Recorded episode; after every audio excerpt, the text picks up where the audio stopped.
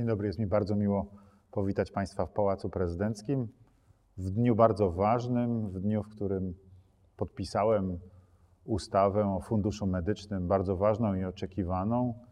A wraz ze mną dzisiaj jest ekspert, który wspierał mnie bardzo w tym e, dużym trudzie i wysiłku przygotowania tej ustawy, pan profesor Piotr Czałderna, e, chirurg, chirurg dziecięcy, wybitny specjalista w zakresie właśnie pomagania dzieciom i, i młodzieży, specjalizujący się także w zakresie chorób onkologicznych, ale przede wszystkim niezwykle oddany lekarz, człowiek bardzo wrażliwy, wyczulony na ludzką krzywdę i mający wewnętrzne poczucie potrzeby niesienia ludziom pomocy. I to właśnie pan profesor na co dzień czyni.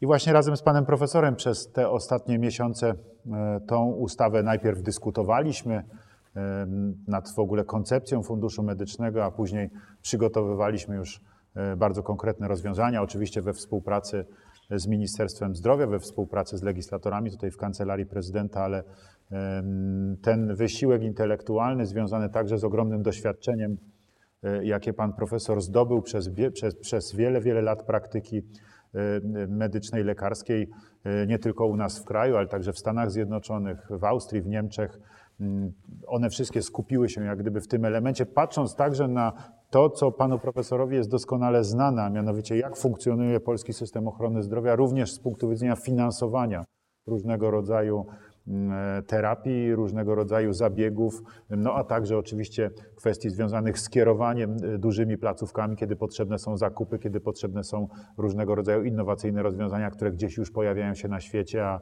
i powinny być u nas dostępne. Nasi pacjenci również powinni móc z nich korzystać. Obydwaj zaobserwowaliśmy, dla mnie to było szczególnie dojmujące, że bardzo wiele jest takich sytuacji, w których ludzie poszukują pomocy, a u nas w naszym systemie jednak mimo wszystko nie mogą jej znaleźć. Czy to na przykład w bardzo trudnych przypadkach onkologicznych, to właśnie u dzieci jest e, szczególnie dramatyczne, zwłaszcza jeżeli ktoś sam jest rodzicem to odczuwa ten niesłychany dramat z jednej strony dziecka, ale także i jego rodziców, którzy chcą nieść mu pomoc, chcą, chcą uratować swoje, swoje ukochane dziecko i, i nie są w stanie tego zrobić. System ma po prostu luki, nie pozwala na to, zwłaszcza jeżeli mamy do czynienia z przypadkiem, których bardzo niewiele się zdarza i gdzie na przykład Narodowy Fundusz Zdrowia określonych terapii, określonych terapii nie finansuje. Stąd właśnie pojawiła się idea stworzenia takiego. Hmm, rozwiązania, które przybrało ostatecznie postać funduszu, funduszu medycznego, które pozwalałoby na interwencyjne działanie właśnie w poszczególnych e, przypadkach, właśnie mm, e, mm, po to, aby załatwiać sprawy indywidualnych osób, no ale też po to, żeby pewne kwestie rozwiązywać systemowo na przyszłość, właśnie chociażby przez zakupy czy różnego rodzaju działania modernizacyjne. To był, to był sam, sam ten początek, to była, to, była, to była taka jeszcze zima, zima tego roku, kiedy po raz pierwszy dyskutowaliśmy na temat tego właśnie z panem profesorem. Dzisiaj to się ostatecznie zmaterializowało, bo ustawa przeszła przez Sejm, 440 posłów ją poparło, więc ponad podziałami politycznymi, przy ogromnej kwocie, której się nie spodziewaliśmy przecież na początku, 4 miliardy złotych co najmniej na, na fundusz medyczny, to jest bardzo dobra wiadomość. Są dziękowałem dzisiaj za to panu premierowi i ministrowi zdrowia.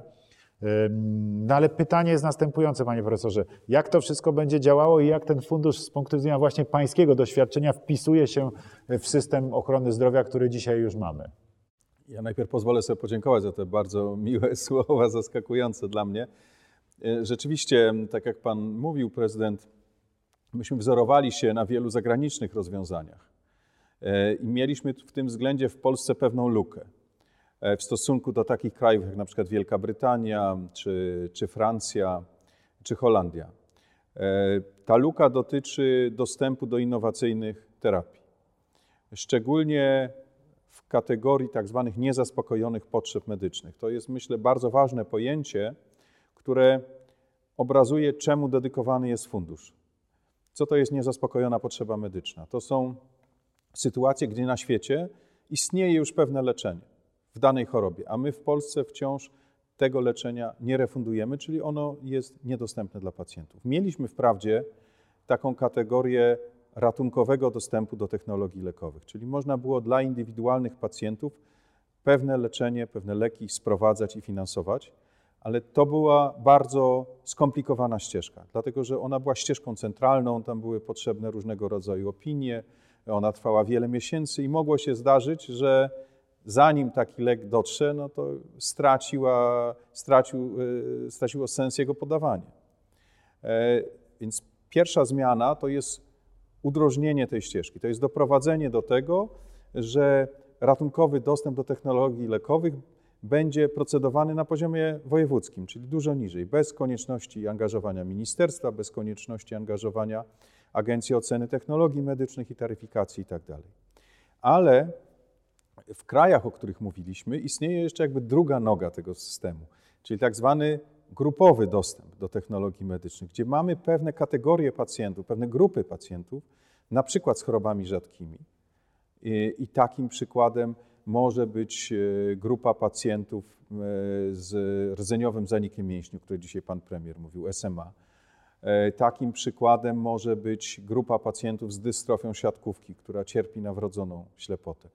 I te choroby są już uleczalne w wielu krajach. W Polsce zaczęliśmy wprawdzie finansować leczenie rdzeniowego zaniku mięśni i, i to od niedawna, od 2019 roku, ale to jest kosztem do końca życia powtarzanych wstrzyknięć dokanałowych leków. Więc to jest taka terapia rewolucyjna, ale jednak obciążająca dla pacjenta. A tymczasem pojawił się nowy lek, który podaje się jednorazowy, nazywany jest najdroższym lekiem w medycynie, bo kosztuje 2 miliony dolarów na pacjenta, ale podaje się go raz. Mamy do czynienia ze zbiórkami w sferze społecznej, gdzie wiele rodzin usiłuje dla swoich dzieci taki lek zdobyć. Fundusz ma właśnie takim potrzebom służyć. To jest taki bardzo namacalny przykład, czy właśnie inny lek z kolei też bardzo drogi, który się podaje z kolei w tym zwyrodnieniu, w tej ślepocie, Luxturna się nazywa, też, który nie jest do tej pory w Polsce refundowany. Więc to była taka naczelna, przyświecająca idea. E, pomóżmy tym, którzy są pokrzywdzeni przez los, którzy do tej pory byli skazani na zbiórki społeczne, a którym po rozpoczęciu działania funduszu będzie można pomóc ze środków publicznych. No tak, tutaj panie profesorze, mogę ze swojej strony potwierdzić, że rzeczywiście tak jak mówiliśmy, zarówno do mnie, jak i do mojej żony, do Agaty, wielokrotnie były przysyłane różnego rodzaju właśnie prośby o wsparcie różnego rodzaju działań. Z jednej strony wsparcie w Narodowym Funduszu Zdrowia. Oczywiście bardzo często, to zwłaszcza rodzice, nie wiedzieli w ogóle, gdzie kierować y, y, swoje prośby, więc kierowali je do nas, żebyśmy wspierali w Ministerstwie Zdrowia. Więc tego, tego jest mnóstwo, gdzie właśnie ludzie proszą o to, żeby zbierać pieniądze, żeby, żeby poszukiwać różnego rodzaju y, rozwiązań. To była jedna z tych myśli, które mi przyświecały, kiedy zaczęliśmy rozmawiać o tej idei właśnie e, funduszu, po to, żeby tego typu przypadki rozwiązywać, po to, żeby ludzie właśnie wiedzieli, że jeżeli mamy do czynienia z czymś wyjątkowym, jeżeli lekarze diagnozują, mówią, to jest coś wyjątkowego, nie wiem, to jest coś, czego w Polsce nie leczymy, albo to jest coś, co dzisiaj nie jest finansowane w ogóle przez NFZ, albo na razie w ogóle nie wiadomo, co to jest za choroba, Temu właśnie ma między innymi służyć fundusz, żeby tego typu wyjątkowe przypadki mogły być finansowane. To przecież także jest kwestia zabiegów, które na przykład wykonywane są tylko i wyłącznie w jednym czy dwóch wyspecjalizowanych ośrodkach na świecie, bo przecież i takie sytuacje są, prawda, że określony zabieg nie jest powszechnie wykonywany i to nie jest kwestia tego, że polska służba zdrowia jest biedną służbą zdrowia. Nie, bo on nie jest wykonywany w Niemczech, nie jest wykonywany w Austrii, nie jest wykonywany we Francji, nie jest nawet wykonywany w Stanach Zjednoczonych, ale na przykład jest wykonywany w Arabii Saudyjskiej, czy w Zjednoczonych Emiratach Arabskich, czy w jakimś innym kraju w super wyspecjalizowanej ku temu klinice, gdzie oczywiście e, też są związane z tym koszty, ale to jest sprawnie i pewnie robione tylko tam. Tam są wyspecjalizowane mm, odpowiednie y, służby medyczne, prawda, lekarze przygotowani, obsługa, y, cały, cały pozostały personel medyczny do tego, żeby właśnie określone, w określonych sprawach pomagać i określone terapie realizować. Więc no, temu właśnie y, chciałbym, żeby, żeby ten fundusz medyczny służył i cieszę się, że on został przyjęty, tylko on został znacznie rozszerzony i tu bym prosił, żeby pan profesor też y, przybliżył tutaj naszym y, widzom i, i pacjentom troszkę, że ten fundusz idzie znacznie szerzej, bo przecież myśmy na wstępie myśleli razem, że to będzie około 2 miliardów, 2,700, tak przymierzaliśmy się na początku, zresztą takie też mieliśmy pierwsze odpowiedzi z, z Ministerstwa Finansów i, z, i, od premiera, że, że, że, że, że możemy się mniej więcej w tym zakresie kwotowym obracać. Dzisiaj to jest rzeczywiście 4 miliardy, dlatego że jednak ta, te możliwości działania funduszu, właśnie interwencyjnego działania, ale także i profilaktycznego, co jest bardzo ciekawe, zostały no, znacznie poszerzone i stąd też konieczne, konieczne większe środki. Ma Pan rację, e, te środki bardzo wzrosły i to jest bardzo dobra wiadomość e, dla wszystkich. E, fundusz dzieli się na, jakby na cztery subfundusze. Pierwszy z nich to jest subfundusz infrastrukturalny, który służy poprawie istniejącej infrastruktury tak zwanej strategicznej, czyli tej kluczowej szpitali uniwersyteckich, klinicznych, szpitali onkologicznych czy szpitali dziecięcych. Drugi subfundusz to jest subfundusz modernizacyjny, który służy wszystkim w zasadzie szpitalom, e, będą miały prawo składania wniosków, ale on jest jakby szczególnie poświęcony kilku potrzebom. E, jedna z nich to są świadczenia opiekuńczo-lecznicze. To jest to, z czym mamy problem w starzejącym się społeczeństwie, w zmieniającym się modelu rodziny. Opieka nad osobami starszymi, nad osobami samotnymi staje się coraz większym wyzwaniem. Konsolidacja podmiotów leczniczych, czyli zwiększenie ich efektywności, jakości działania, sprawności też jest bardzo istotna. No i taki element, który budził na początku zdziwienie, e, czyli wymiana łóżek w szpitalach. E, wydaje się, że to jest takie trochę może śmieszne wręcz, ale jak pochylimy się nad rzeczywistością, którą jasno pokazało badanie przeprowadzone przez Ministerstwo Zdrowia, to okazuje się, że prawie połowa polskich łóżek w szpitalach ma więcej niż 15 lat a dwie trzecie łóżek ma więcej niż 12 lat, więc to są, no, można powiedzieć, trabanty albo Wartburgi, sięgając do samochodowych porównań. I, I, takie łóżka ani nie dają komfortu chorym, ani nie zapewniają y, komfortu personelowi pracującemu, obsługującemu y, takich pacjentów, a w sytuacji starzejących się na przykład pielęgniarek, średnia wieku to jest grubo ponad 50 lat, ma to naprawdę ogromne znaczenie. Na to nigdy nie było pieniędzy, zawsze były rzeczy ważniejsze niż wymiana łóżek. Y, więc to jest kwestia paradoksalnie ważna. Y, inny element, to co pan prezydent przywołał, profilaktyka.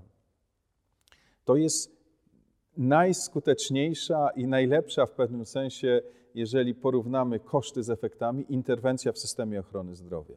Przez to, że wykrywamy choroby wcześniej, choćby choroby nowotworowe, e, taki mam przykład ostatnio wśród osób mi bliskich, gdzie dzięki zrobieniu mamografii wcześniej wykryto raka piersi. Gdyby nie to badanie, e, tak by się nie stało, nie było żadnego wyczuwalnego guzka. A tymczasem my mamy w e, uczestnictwie naszych obywateli w badaniach profilaktycznych bardzo niskie odsetki, poniżej 50%, to jest często 30%, mniej niż 30%. I jest bardzo ważne, żeby zachęcić ludzi do udziału w takich programach i dlatego e, środki z tego funduszu będą również dedykowane e, zarówno lekarzom podstawowej opieki zdrowotnej, jak i pielęgniarkom, jak i położnym, żeby zwiększyć udział obywateli w badaniach profilaktycznych, bo to nam pozwoli wcześniej, skuteczniej leczyć choroby, w tym nowotwory. Tak samo będą to środki dedykowane samorządom po to, żeby można było prowadzić, realizować tego typu badania profilaktyczne. No i ostatnia część to jest to, od czego zaczęliśmy, czyli ten fundusz innowacyjno-terapeutyczny, który ma przybliżyć nowoczesne leczenie do Polski, ale który ma nie tylko wprowadzić nowe środki finansowe, to jest oczywiście bardzo ważne, ale też zbudować pewne nowe zasady, nowe, nowe sposoby działania systemu w tym zakresie, e, po to, żeby można było negocjować ceny z firmami, po to, żeby można było przenosić leki z tego pierwszego etapu, gdzie będziemy testować jeszcze ich skuteczność, bo nie zawsze to się potwierdza, do etapu drugiego, gdzie one już objęte będą zwyczajną, normalną refundacją i będą całkowicie dostępne dla polskich obywateli.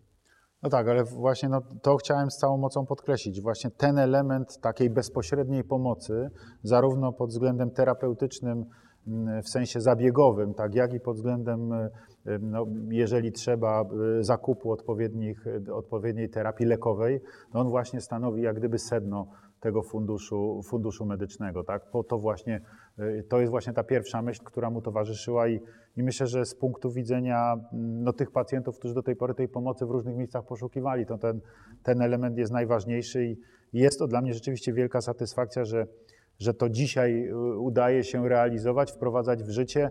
No jest tylko dzisiaj, w tej dobie, w której jesteśmy obecnie, no jedna wątpliwość. Tak? No to było to, o czym rozmawialiśmy dzisiaj z panem ministrem Niedzielskim, z, z panem premierem, mm, no, problem mamy taki, że większość mówi, no dzisiaj mamy przecież koronawirusa, z koronawirusem dzisiaj się stykamy, a wy tutaj dyskutujecie, prawda, o jakichś funduszach medycznych, y, co to ma dzisiaj za znaczenie w porównaniu z, z koronawirusem. No więc y, tutaj bardzo się cieszę, że padły dzisiaj właśnie z Państwa strony te głosy takiego otrzeźwienia. No chwileczkę, chwileczkę. To, że się pojawił koronawirus, to, to nie znaczy, że inne choroby zniknęły. Wręcz przeciwnie.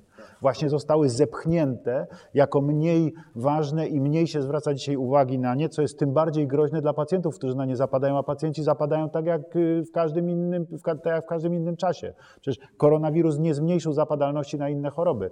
I, i dlatego cieszę się, że działamy. Oczywiście y, fundusz, fundusz Medyczny będzie także i miał tą pulę, która będzie mogła wspierać nawet właśnie takie działania doraźne, jak w przypadku koronawirusa, gdzie ten choćby zakup łóżek, o którym pan, pan y, profesor wspomniał przed chwilą, też będzie mógł być interwencyjnie w razie czego realizowany. Mam nadzieję, że nie będzie takiej potrzeby akurat z powodu koronawirusa. Natomiast, natomiast y, no, rzecz polega na tym, żeby mimo tych wszystkich trudności, które no, obiektywnie dzisiaj ma na sobie służba zdrowia w związku z walką z koronawirusem, bo tak faktem jest, że cały, cała uwaga i ci, większość ciężaru walki y, o zdrowie Polaków została dzisiaj skierowana na walkę z koronawirusem, żeby mimo wszystko jednak realizować też to, co, co trzyma się tego codziennego takiego życia, jakie mieliśmy poprzednio i jakie wierzę w to niedługo nadal będzie dominowało, kiedy koronawirus od nas odejdzie. Bardzo mnie cieszy, że, że pan prezydent poruszył e, tę kwestię. Bo rzeczywiście można i pewnie y, spotyka, spotyka się takie głosy, no po co to wszystko mamy koronawirus i tak dalej. Ale my nie możemy zaniedbać opieki nad wszystkimi innymi pacjentami. E, również fakt, że więcej środków będziemy musieli poświęcić na walkę z koronawirusem w ramach e, normalnych środków przeznaczonych na służbę zdrowia zwiększa znaczenie wprowadzenia dodatkowych funduszy do systemu. A przecież tutaj mówimy o dodatkowych funduszach których tam dzisiaj obecnie nie ma, dedykowanych leczeniu chorób rzadkich, dedykowanych e, leczeniu e, chorób onkologicznych. E, także to jest szalenie ważna kwestia. Na tym bardziej nabiera znaczenia w dobie epidemii koronawirusa. Także tak na to trzeba popatrzeć. I, i, I, są to zmiany niesłychanie istotne również organizacyjne. To jest wprowadzenie po prostu nowych mechanizmów, to jest szansa na finansowanie tak jak była już o tym mowa, zabiegów operacyjnych z tych dodatkowych środków, czyli na trochę większą, większą ścieżkę finansowania, oczywiście w przypadkach, które są uzasadnione, czyli w przypadkach, w których nie da się tego typu zabiegów operacyjnych zrealizować w Polsce, ale to jest również szansa na procedury bezlimitowe u dzieci. Wiele chorób dziecięcych, wiele chorób rzadkich wymaga skomplikowanej diagnostyki w warunkach szpitalnych. I tutaj e, limity były pewną przeszkodą. Mieliśmy kolejki na hospitalizację w niektórych województwach dosyć znaczne, mieliśmy kolejki do specjalistów. Dzięki puli środków na bezlimitowe leczenie dzieci i młodzieży jest szansa, że uda się również i ten problem rozwiązać. E, także to jest szansa na, na zbudowanie dzięki tym nowym rozwiązaniom E, pewnej nowej jakości, lepszego dostępu dla osób, tak jak już mówiłem, najbardziej pokrzywdzonych przez los, które na to zasługują. Panie profesorze, myślę, że słucha nas bardzo wiele osób, które czekały rzeczywiście na tą, na tą ustawę o, o funduszu medycznym, właśnie dlatego, że same czy w swojej rodzinie mają osoby, które są dotknięte różnego rodzaju problemami zdrowotnymi i medycznymi, które są dzisiaj u nas trudne bardzo do rozwiązania y, i, i, liczą na to, że ta ustawa i to, co zaproponowaliśmy w niej, pomoże w tym. My też liczymy na to, że wiele takich kwestii uda się załatwić. No jest tylko pytanie jedno, tak? bo to jest na pewno pytanie, które dzisiaj zadaje sobie bardzo właśnie wielu, wielu zainteresowanych, a mianowicie kiedy to wszystko będzie mogło, kiedy to wszystko będzie mogło ruszyć.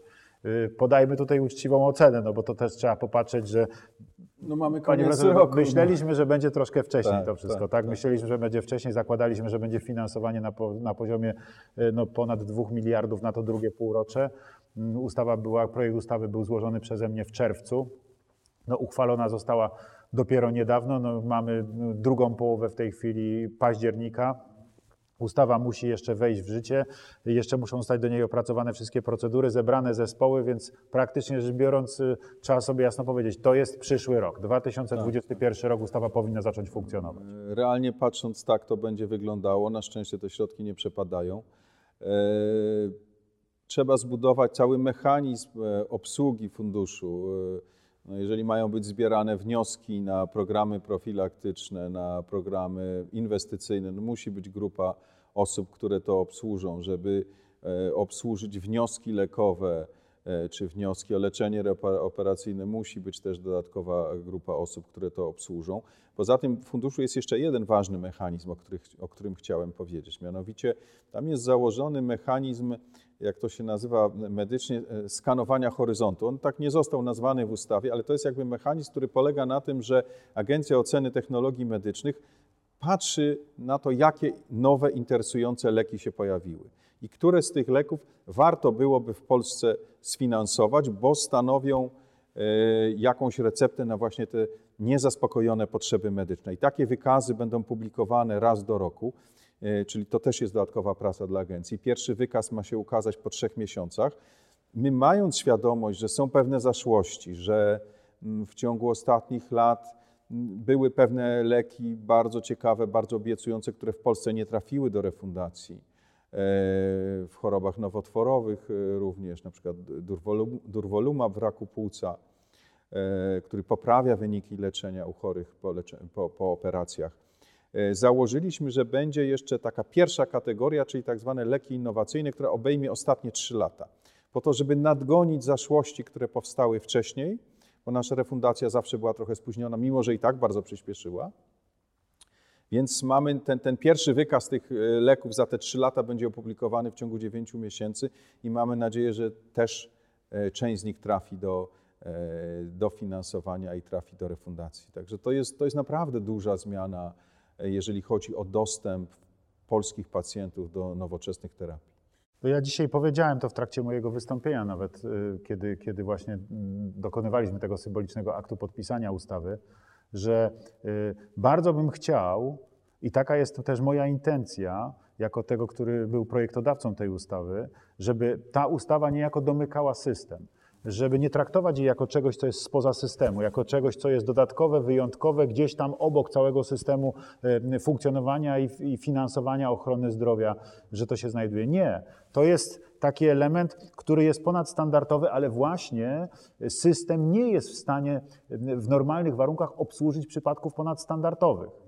Więc to jest taka czapka, która w moim przekonaniu ma ten system domknąć, po to, żeby wszystkie przypadki mogły zostać zrealizowane i, i zabezpieczone, także właśnie te wyjątkowe, te, które zdarzają się w pojedynczych przypadkach, e, które, które mieszczą się poza wszelkimi średnimi, tak? poza wszelkimi przeciętnymi e, zapadalności na różnego rodzaju choroby, bo są właśnie wyjątkowe, bo mamy jednego, dwóch, trzech czy, czy, czy pięćdziesięciu w skali ogólnopolskiej chorych na, na określoną chorobę, choćby właśnie chorobę rzadką. Tak?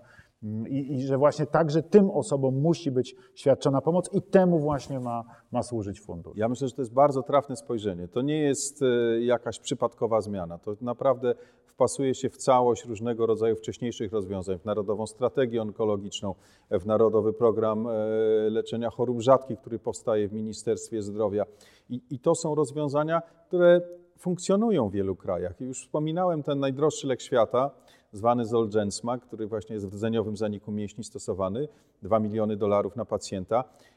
W tej chwili krajem w Europie, który zaczął tego finansowanie, e, jest Francja. I w oparciu o dokładnie taki sam mechanizm. Nazywa się e, Atu de Cohort i to jest dokładnie taki mechanizm jak, jak ten nasz. W Wielkiej Brytanii, w Wielkiej Brytanii mamy Cancer Fund Właśnie po to, żeby te nowe leki, które się dopiero co pojawiają, co do których nie ma pewności, czy są bezpieczne, czy są w pełni skuteczne, tak jak deklaruje producent, ale stwarzają nadzieję, w jaki sposób możliwie szybko do systemu wprowadzić. I myśmy poszli dokładnie w tym kierunku.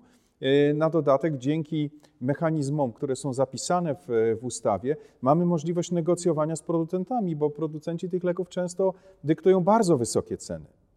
E, które powodują, że one są mało dostępne, ale dzięki tym mechanizmom możemy te ceny negocjować, tak? Możemy e, dzięki temu e, uzyskać większą dostępność tego leku i dla większej liczby pacjentów. Także to jest naprawdę, tak jak pan prezydent powiedział, uzupełnienie tego, co dziś w polskim systemie ochrony zdrowia się dzieje w systemie refundacji. Panie profesorze, jeszcze raz chciałem bardzo serdecznie podziękować za współpracę przy tej ustawie.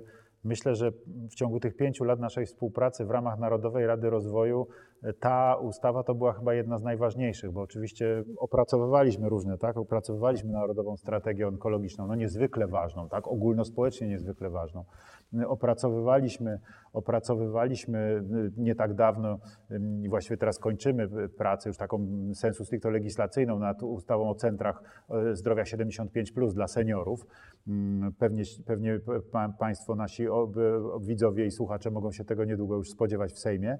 Natomiast, natomiast ta ustawa rzeczywiście, no ona ma ten szczególny wymiar, że ona, że ona ma po prostu pomagać w takich sytuacjach, które do tej pory wydawały się całkowicie beznadziejne.